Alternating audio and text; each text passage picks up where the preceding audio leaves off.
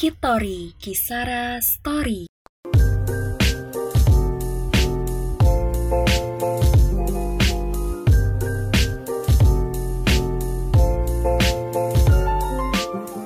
Halo Sobat Kisara, nah balik lagi nih Kitori Kisara Story. Bersama saya Irina Safitri. Nah siang hari ini Nana gak sendirian nih. Nana ditemenin sama psikolog cantik Kak. Diah Satya Halo Kak Halo. Nih, saya belum resmi di psikolog. Oke Ah, jadi masih calon psikolog. Oke, calon psikolog cantik nih Oke. Oke, nah siang hari ini kita mau bahas tentang apa sih Kak Satya? Ngebahas apa ya? Enaknya bahas apa nih? Oke, jadi uh, kayaknya yang seru nih topiknya nih siang hari ini kita mau bahas mengenai dinamika regulasi emosi pada remaja dengan kehamilan pranikah tuh berat nggak tuh topiknya tuh? Oke, nah jadi uh, kenapa sih kak kok kita tuh bakal bahas tentang kehamilan pranikah nih siang ini dan apalagi kan regulasi emosi remaja gitu ya. Hmm. Kenapa ini penting buat dibahas gitu? Oke. Nah, eh, Nana ini masuk remaja nggak? Kalau boleh kartu. Oh ya, oh ya. Oh, kita remaja ya. Iya, kita remaja. kita remaja nih ya. Oke, jadi ini kalau usia remaja itu kan eh, macam-macam ya. Ada bahasan usia remaja itu. Mm-mm. Secara teori pun ada yang membahas dari 11 sampai 18 tahun, 11 sampai 24, bahkan ada yang ngebagi jadi eh, remaja awal, remaja akhir atau semacamnya. Tapi secara umum memang ya 11 sampai 18 tahun lah gitu. Hmm. Kemudian juga batasan usia KTP juga 18 tahun kan ya. Nah, Iya. di usia ini uh, remaja itu sedang berkembang. Nah, perkembangannya itu macam-macam tuh. Ada perkembangan fisik, mental, emosional gitu. Kemudian juga ada pasti lingkungan sosial. Nah, satunya juga uh, perkembangan emosi, kematangan emosinya. Nah, dalam perkembangan fisik ini remaja ini mengalami perubahan hormon dan istilahnya itu itu yang membuat remaja ini jadi uh, apa ya tumbuh kaitannya dengan sistem tubuhnya mereka gitu, Hmm. sistem seksual itu kan mulai tumbuh Hmm. gitu. Nah, karena emosi sendiri di usia remaja ini juga mereka lagi misalnya di orang bilang itu masa badai. Nah, Hmm. masa badai itu Masa galau masa gitu ya. galau ya gitu. Jadi di sini tuh masa-masa yang uh, mereka baru mengenal jatuh cinta Hmm. gitu, mulai mengenal uh, menemukan jati diri. Nah, jadi remaja itu punya tugas-tugas perkembangan. Hmm. Nah, satunya itu adalah untuk mempersiapkan karir juga gitu. Kemudian uh, men- melaksanakan gimana sih menemukan hubungan romantis gitu misalnya. Itu itu persiapan untuk usia dewasa. Tapi Hmm. biasanya memang arahnya tuh juga perkembangan karir gitu. Hmm. Nah, tapi tugas perkembangan remaja ini membuat uh, remaja ini memang mengalami gejolak gitu. Jadi dibilang anak-anak bukan, gitu kan? Dibilang usia dewasa juga Hmm. bukan. Jadi uh, tapi secara fisik, mental mereka udah bu- bukan anak-anak lagi, tapi belum benar-benar matang kayak orang dewasa pada umumnya. Nah itulah kenapa di usia remaja ini akan banyak ngalamin uh, dinamika gitu antara kayak uh, apa namanya konflik kemudian juga uh, istilahnya permasalahan-permasalahan uh, di bidang psikologis kalau misalnya nggak bener ngedampinginnya gitu Uh, atau bahkan efek sampingnya itu juga nanti uh, bisa mengarah ke pergaulan bebas gitu nah jadi kita Pergaulan bebas dia nyerempet-nyerempet jadinya malah kehamilan pranikah Iya, gitu ya. gitu. Nah, kalau dulu sebutannya masih kehamilan tidak diinginkan ya. Nah, tidak kalau diinginkan, sekarang tidak tidak direncanakan. diinginkan gitu ya, sebenarnya tidak direncanakan gitu. Tapi uh, kalau sekarang sebutannya udah eh, biar eh, kita pakai istilah yang kita sepakatin secara umum itu adalah kehamilan pranikah. Karena kan kita belum nikah. Iya. Gitu.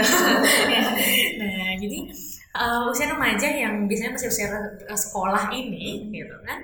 Nah, ini banyak banget nih yang dihadapin gitu. Jadi secara emosi pun mereka masih meledak-ledak gitu. Mereka nggak tahu kadang banyak yang masih nggak tahu gimana Hmm. nyalur emosinya gitu. Misalnya.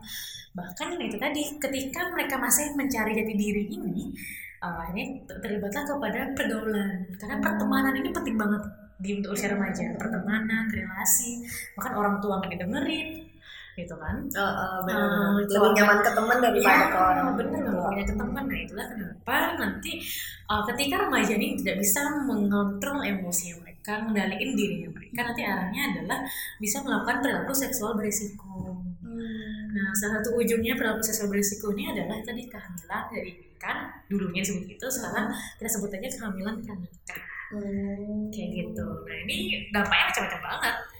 gitu Hmm. karena kan tadi remaja yang Iya, iya, yang yang nggak eh, yang apa nih yang nggak hamil aja itu udah udah gejolak banget tuh mereka Iya. masih diri diri mereka Heeh. mereka mulai apa bingung eh, bingung gitu Hmm. Istilahnya ada kayak bingung aku nih siapa sih sebenarnya aku nih mau ngapain sih di sini gitu.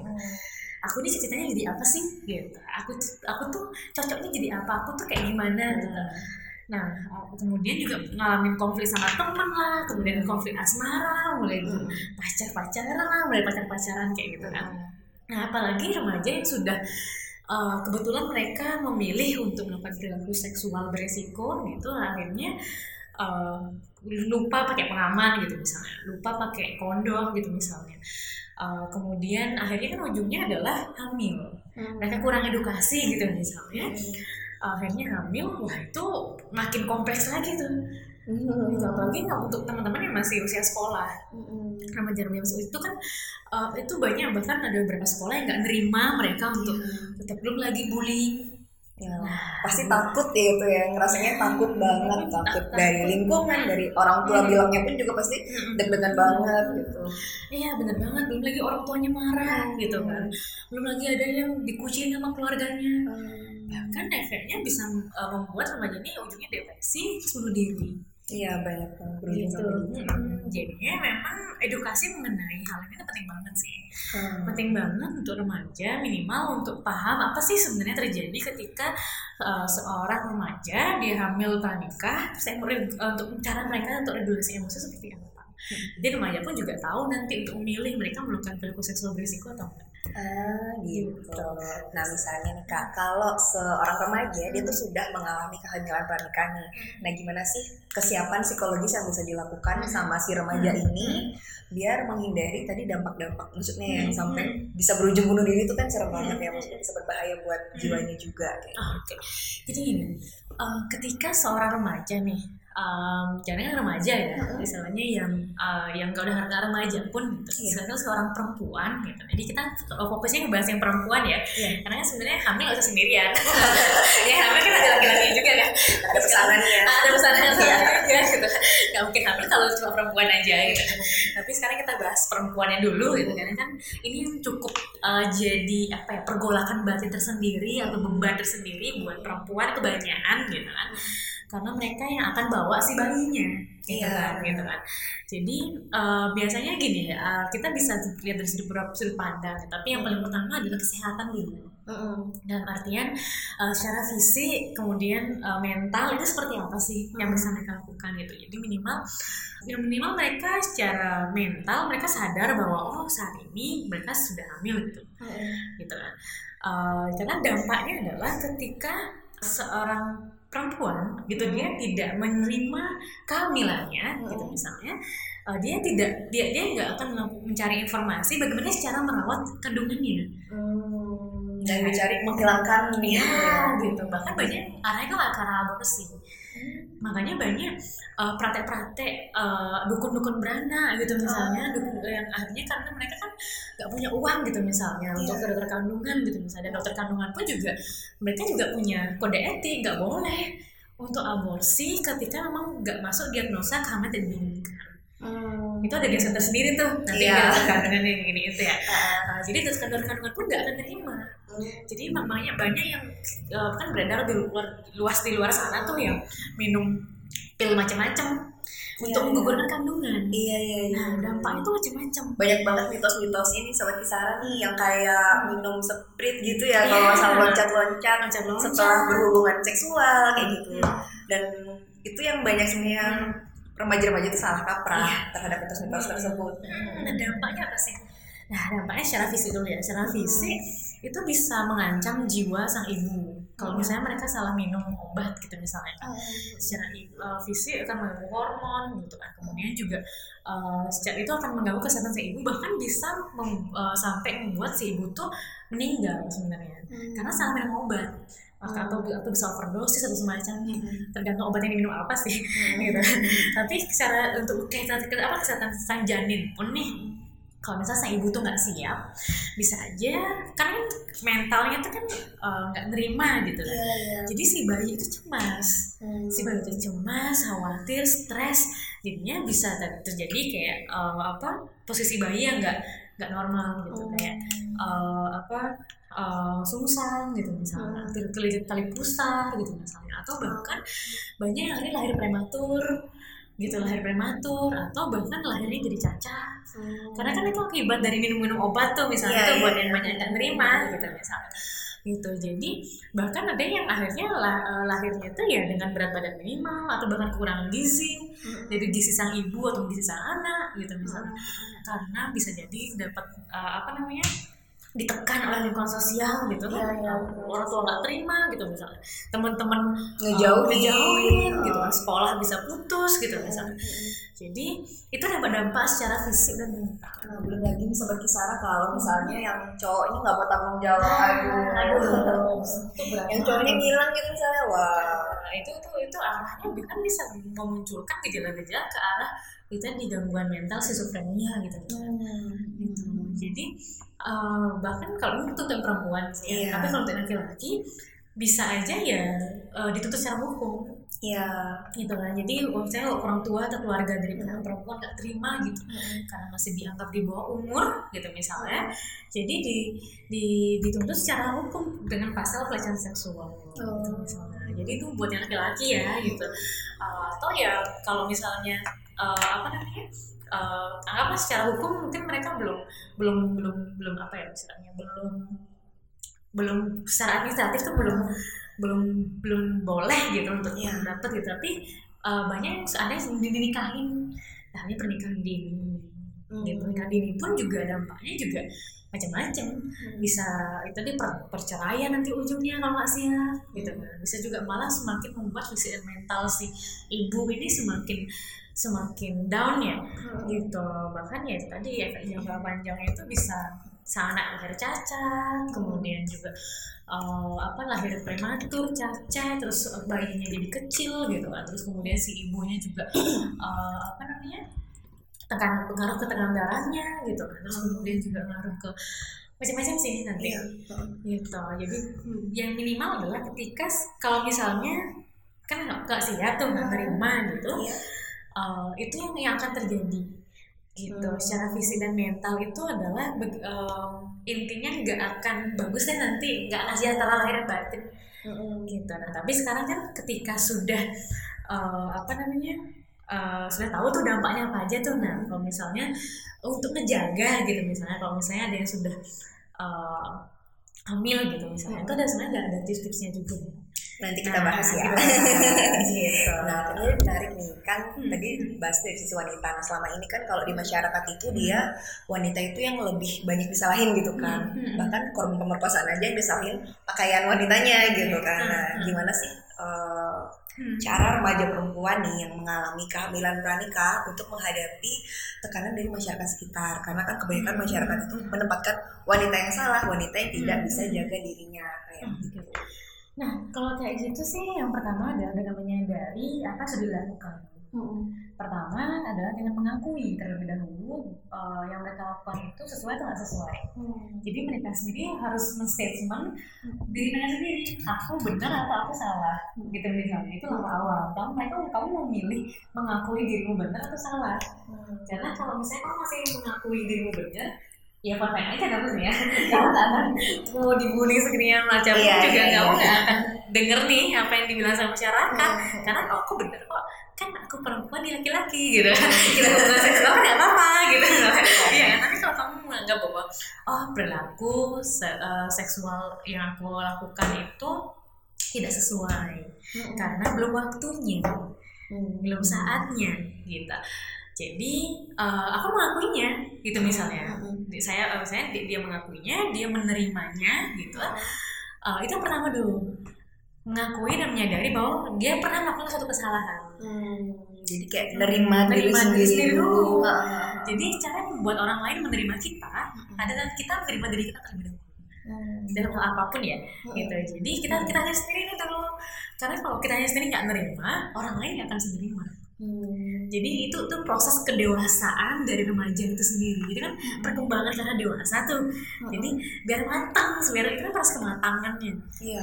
gitu kan. Jadi sambil kemudian uh, baru kita akan bisa dengan menghadapi nih yang uh, bulian dari masyarakat gitu misalnya dengan dengan apa ya dengan menerima bahwa em, dualitas dua sisi ini harus ada. Pasti akan ada satu orang yang menghina kamu tapi ada satu orang yang menguatkan kamu atau mendukung kamu Iya, iya, iya. gitu. Jadi ini ini kan sejalan kok. Tinggal kamu mau lihat yang mana nih? Hmm. gitu. Jadi di satu sisi memang akan tetap ada yang menghina tapi itu nggak bisa kita tolak. Iya, iya, iya. gitu kan. Itu nggak bisa kita nggak bisa ngatur seluruh mulut netizen gitu. Kita nggak bisa tuh Iya, ngatur mulut seluruh alam sama apa orang-orang di dunia itu nggak Iya, iya. bisa gitu kan. Iya, apalagi mau jual follower gitu misalnya. Kita nggak bisa tuh diatur mulutnya follower follower Iya, gitu iya, kan iya, iya. Tapi sekarang kita bisa tahu bahwa mana orang-orang yang mendukung kita mana orang-orang yang nggak mendukung kita. Mana orang yang benar tulus sama kita mana orang-orang yang nggak tulus sama kita. Nah dari sana kita akan bisa tahu nih.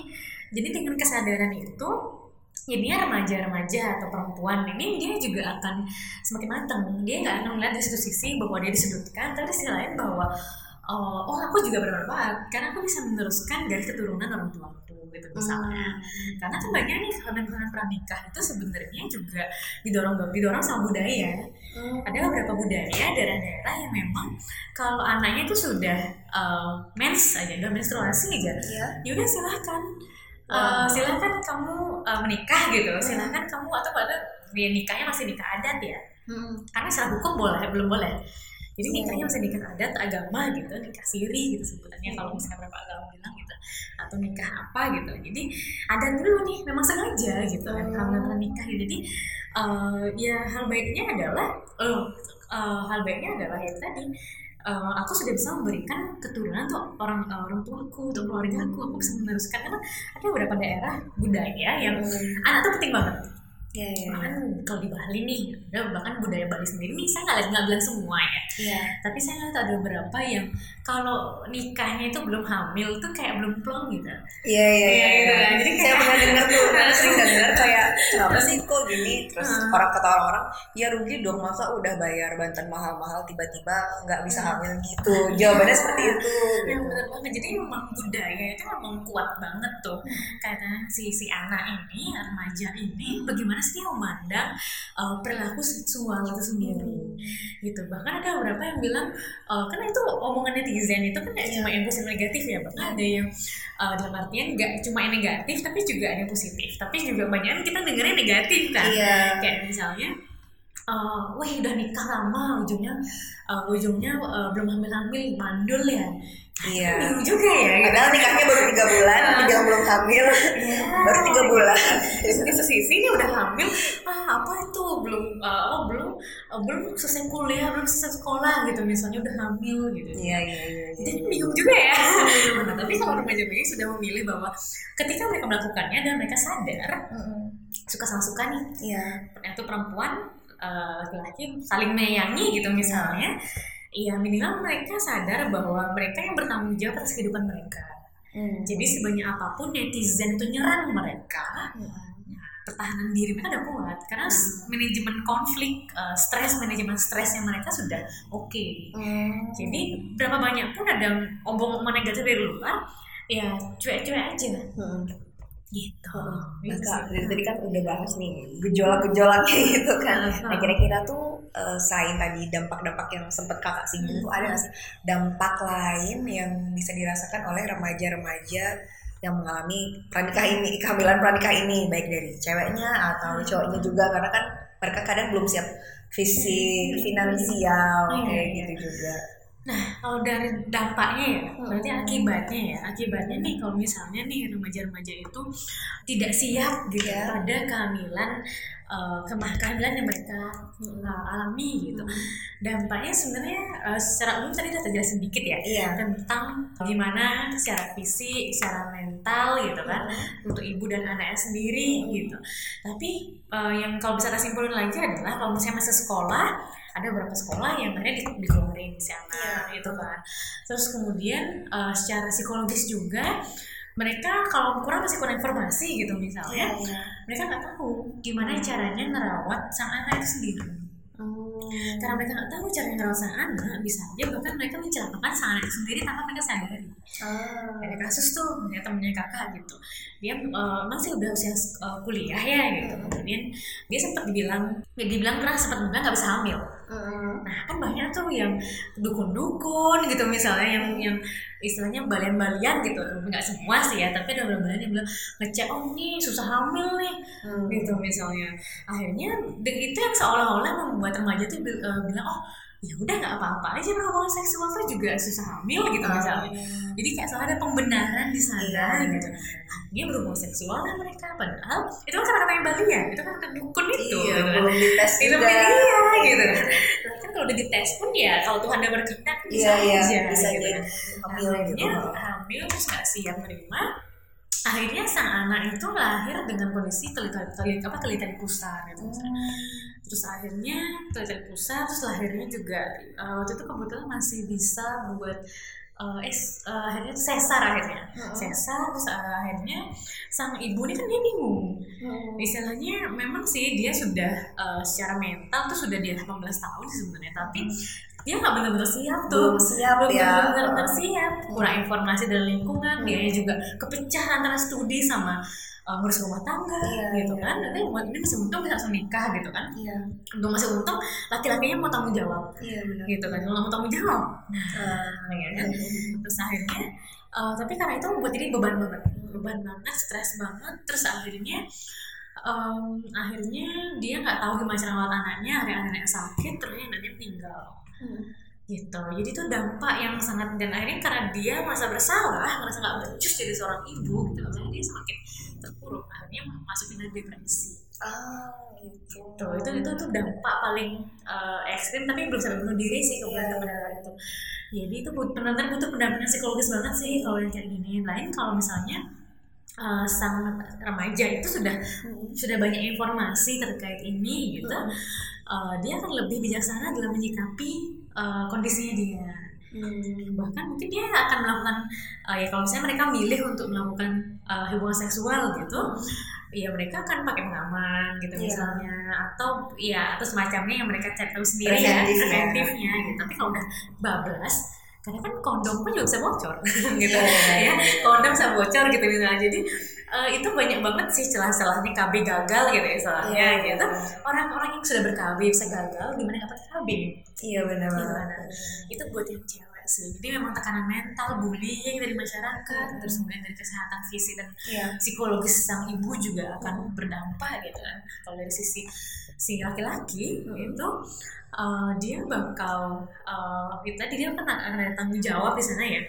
Ya kalau dia udah udah uh, apa namanya sudah punya uang secara cukup ekonomi sudah bekerja kalau belum gimana? Siapa sih yang akan membiayai itu? Gitu kan. Siapa Iya. yang akan menghidupi sana itu gitu. Ya kalau misalnya uh, seagama. Kalau beda agama nanti mau itu bingung lagi.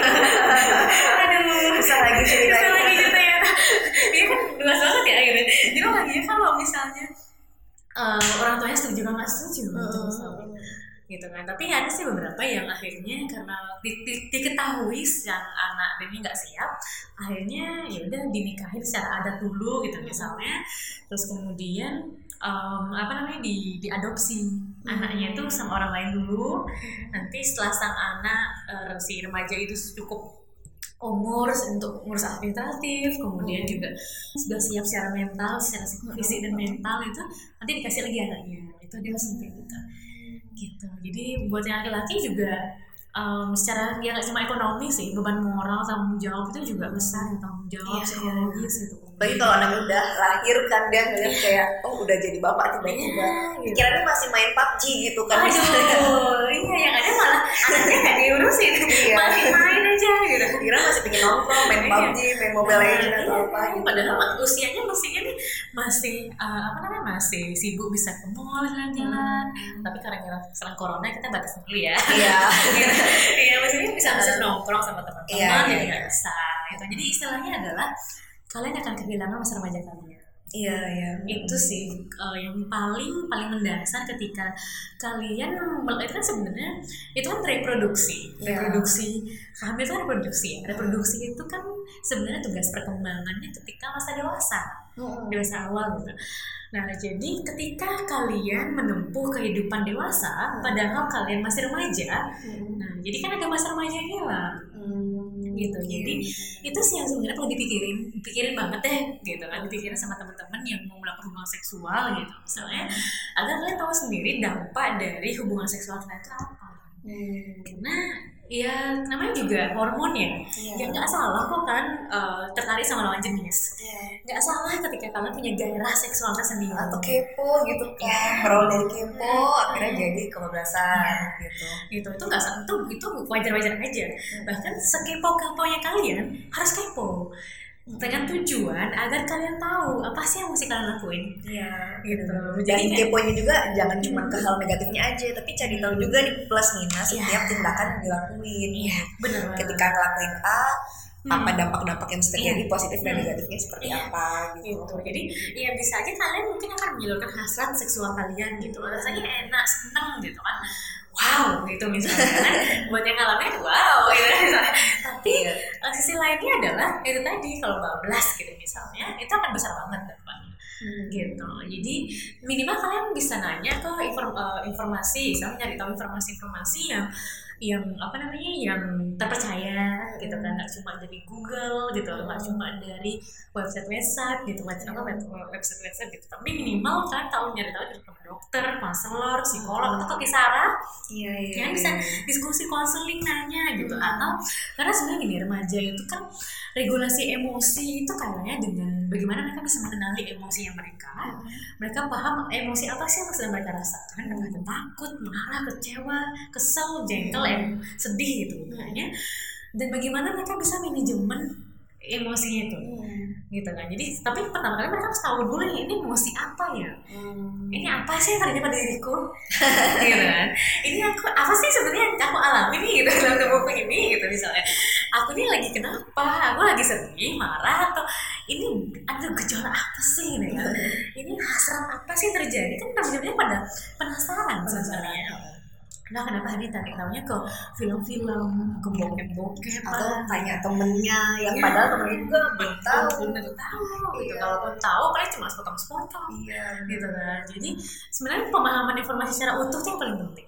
Hmm. Jadi biar remaja sendiri tahu bagaimana sih eh, apa namanya yang benar gitu karena kan sebenarnya uh, kalau untuk nyalurkan hasrat seksual bisa dengan mastur- masturbasi gitu Iya, atau iya, onani iya. gitu misalnya. Jadi itu untuk untuk mencegah perilaku seksual berisiko juga Hmm. selain kami tidak diinginkan atau istilahnya kalau pranikah itu Iya. Juga untuk mencegah HIV AIDS, mencegah Ah, infeksi menular seksual. Jadi luas ya, tapi kaitannya dengan kalian uh, tidak diinginkan atau pranikah ini sendiri adalah minimal uh, remaja, baik perempuan maupun laki-laki itu bisa bertanggung jawab atas apa sih yang mereka lakukan. nah benar banget Tuh, itu sih gitu. Tapi kalau misalnya udah kebablasan nih, nah Mm-mm. sekarang minimal sekarang tahu nih apa yang bisa dilakukan. Nah, apa tuh kayak yang bisa dilakukan? Karena kan gitu. udah bahas dampaknya banyak banget ya. Iya. Psikologi, emosi, terus psikisnya juga bisa. iya. Nah, ketika sudah terjadi nih dan pasti dapat banyak dari masyarakat kayak tekanan-tekanan dari orang tua, teman, sekolah, lingkungan sekitar rumah mungkin tetangga ikut julid gitu kan Iya. udah stres banget tuh. Iya. nah, gimana Iya. sih eh, cara Mhm. mengatur tuh emosinya tuh biar tidak sampai terjadi maksudnya yang kayak tadi sampai bunuh diri sampai depresi akut atau sampai trauma yang terbawa sampai Iya. bahkan dia tua nanti Iya. gitu nah itu gimana kak Uh, jadi gini, uh, kalau kita ngebahas tentang ini, tentang apa sih yang pendampingannya bagaimana sih gitu kan Iya. ketika seorang remaja uh, atau remaja yang mengalami hamil pranikah gitu. Uh, yang pertama kita mesti ketika konseling nih sama si Hmm. remaja ini kita mesti memahami kondisi remaja saat ini seperti apa.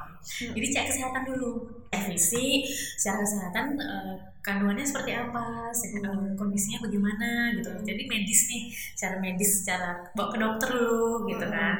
Terus kemudian itu secara uh, fisik gitu kan, Uh, apakah kehamilan ini usia berapa? Kan bisa dia bisa dia nggak tahu udah usia berapa kandungannya gitu kan. Iya, pokoknya udah tahu aku belum mens gitu ya. Iya, sehat atau enggaknya itu kan apakah ada gangguan atau enggak itu kan kita nggak tahu. Apalagi yang udah tertekan gitu kan untuk mencegah eh, apa namanya mencegah agar kandungannya tidak bermasalah gitu kan. Jadi cek dulu ke dokter bisa ke gitu. dokter objin ya sahabat Iya. Sarah Hmm. kalau misalnya nanti ada yang dengar terus mengalami kehamilan pernikahan terus bingung aku harus ke mana? gitu. Iya, bisa ke bisa dokter iya. Objin. bisa ke objin atau ke kisara mungkin bisa Iya. mendampingi gitu. Misalnya nah secara mental bisa diajak ke psikolog.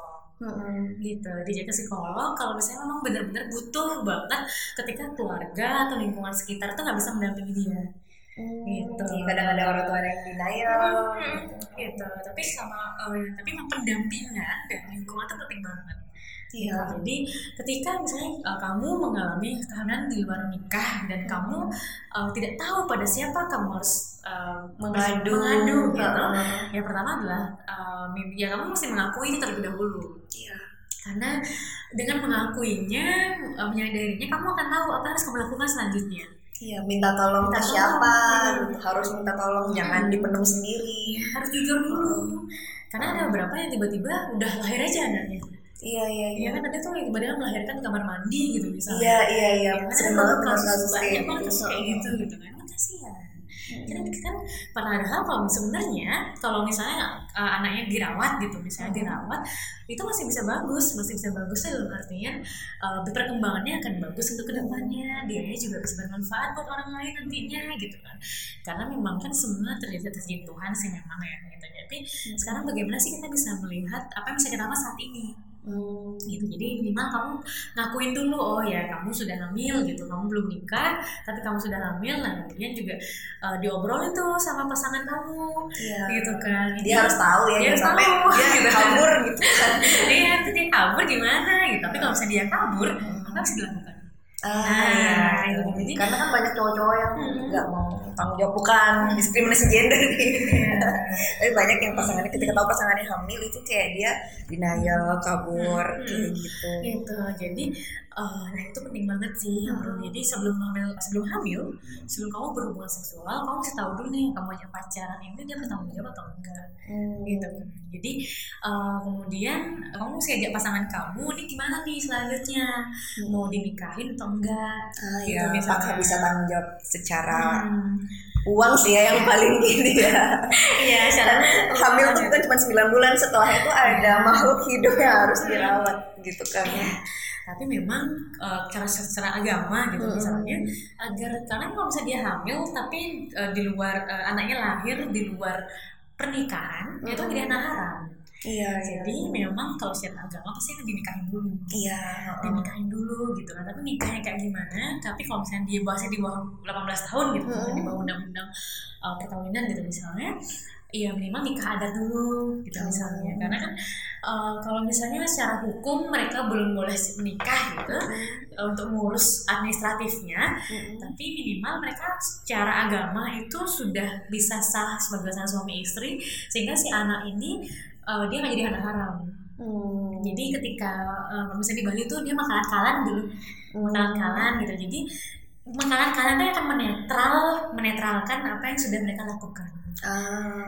gitu. Jadi ini secara, secara agama gitu Hmm. jadi uh, yaudah nikah aja gitu nikah dulu jadi biar si anak lah menyelamatkan sang ibu dan anak juga sih Iya. jadi biar anaknya nggak jadi anak haram nih gitu kan jadi ketika dia lahir tapi sudah punya bapak ibu karena sudah nikah dia nggak jadi anak haram lagi Ah. karena mengkalan-kalan istilahnya pernikahan itu yang sudah menetralkan Mm-mm. kesalahan di masa lalunya mereka kesalahan tanda kutip ya Mm-mm. karena kan mereka uh, hamil sebelum nikah tuh gitu kan Mm-mm. sebenarnya kesalahan gitu kan Mm-mm. secara karena mereka belum waktunya pastinya Iya, gitu kan iya, iya. tapi dengan menikah itu itu netralin lagi Hmm. tapi bukan berarti bukan berarti ini selalu dibenarkan ya enggak juga Iya. tapi memang kan sekarang kalau di Bali sendiri banyak yang kayak gitu ya jadi mesti uh, banyak yang memang sengaja dihamilin dulu gitu biar dapat anak gitu Iya. kan dapat anak gitu kan karena kan kalau di Bali kalau udah nikah berapa lama gitu terus belum punya anak itu kan diomongin banget juga Iya, iya, iya. ya mungkin itu juga membuat beberapa justru banyak orang tua orang tua yang mendukung ya udah kamu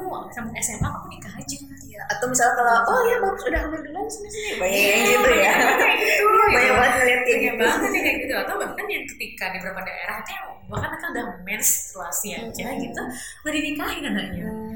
Tapi kan itu belum secara uh, hukum mereka belum bisa istilahnya ngurus akte perkawinan belum bisa Hmm. gitu kan jadi nanti biar kalau misalnya nih kamu kamu nih ya ketika hamil dan mau nikah tapi belum uh, bisa ngurus akte perkawinan nggak apa-apa minimal uh, ngurus secara adat atau Secara adat atau agama.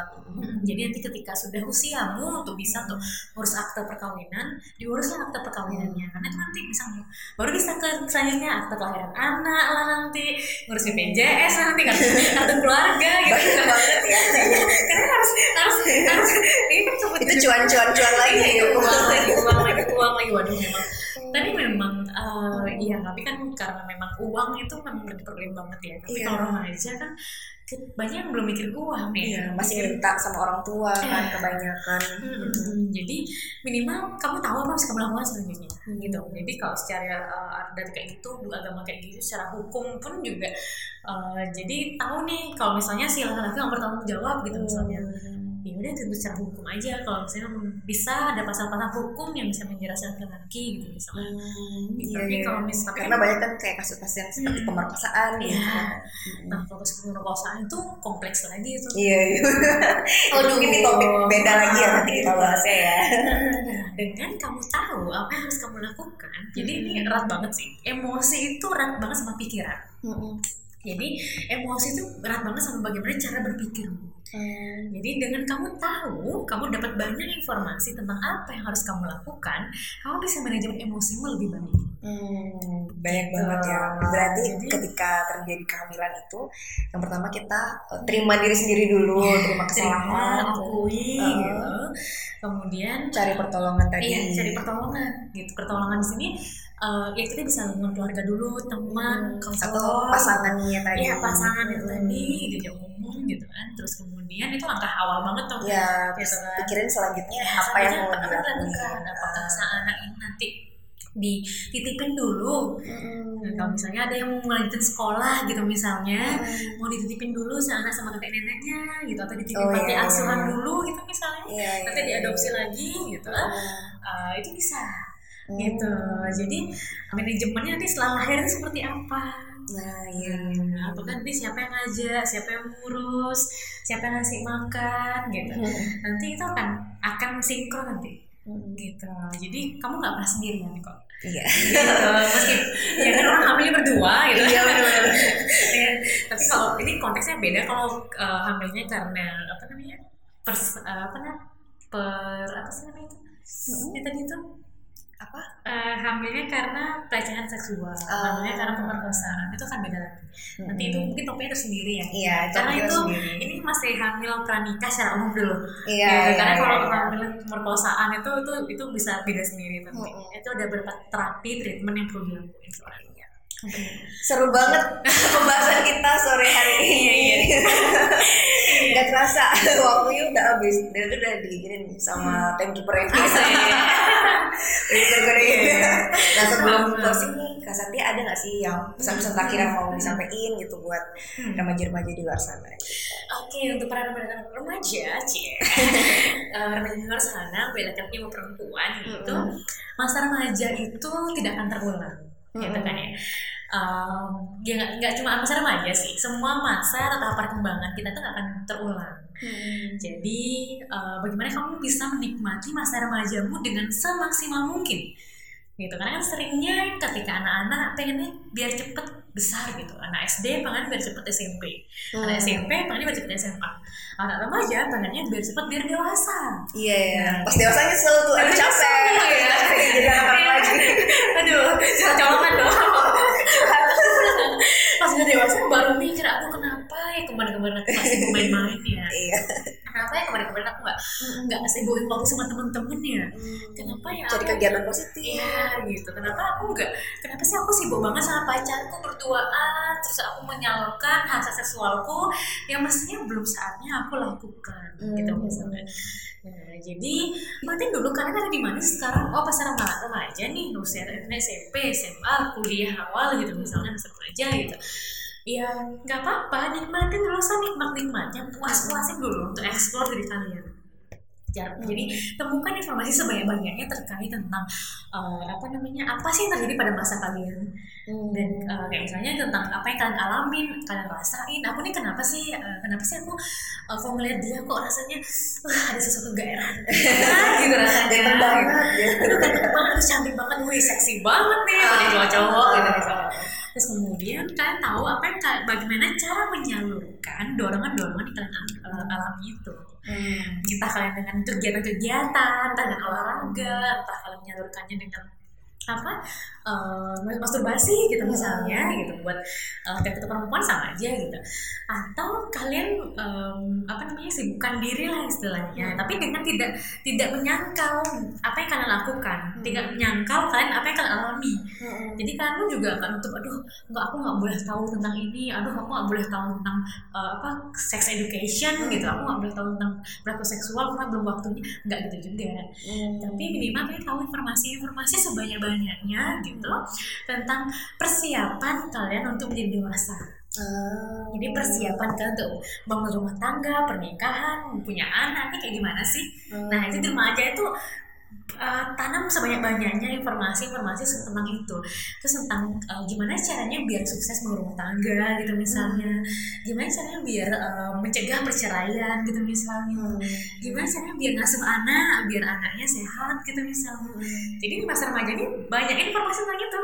Hmm. selain dengan bagaimana caranya menyalurkan dorongan-dorongan yang aku alamin gitu misalnya. Yang kita alamin yang remaja alamin Iya. gitu. Nah sampai nanti ketika kalian bisa memilih oh oke eh, aku nggak apa-apa kok melakukan hubungan seksual gitu. Misalnya ada yang pengen atau oh, ya udah deh sekali aja gitu misalnya. Tapi kalian tahu apa yang yang akan terjadi dampaknya gitu. Ya bilang aduh pakai KB aja pakai kondom aja gitu. Ya kalian tahu kalau kondom itu bisa bocor gitu. Gitu. jadi eh, ya udah gitu. Jadi minimal kalian tahu dampaknya gitu. Dan ketika kalian sudah bisa bablas gitu misalnya. Kalian nggak bisa ngendaliin diri gitu. Nggak bisa ngontrol diri kalian gitu misalnya. Ya udah tahu. Kalian tahu apa yang harus kalian lakukan selanjutnya. Untuk pertanggungjawabkan perbuatan kalian. Karena istilahnya hubungan seksual itu kan sebenarnya eh yang dilakukan ketika sudah dewasa sebenarnya dalam em, laki-laki perempuan gitu. Sewajarnya itu kan hubungan suami istri sebutannya banyak nyebutnya kayak gitu ya. Jadinya ya udah dilakukan aja ketika memang suami istri. Tapi kalau misalnya kalian mau milih bahwa untuk melakukannya se- sebelum menikah gitu misalnya kalian tahu resiko dan konsekuensinya apa mesti kalian alamin jadi biar nggak nyesel belakangan Jadi gitu harus cari informasi yang tepat, bukan Iya, cari banyak informasi. Nggak apa-apa dikit, tapi yang penting kena tepat sasaran dan di tempat yang tepat gitu Iya, kan cari betul. informasinya. jadi mungkin teman-teman yang pengalaman Mm-mm. belum tentu peng, eh, ta- dia tahu tapi belum tentu tepat informasinya. Iya.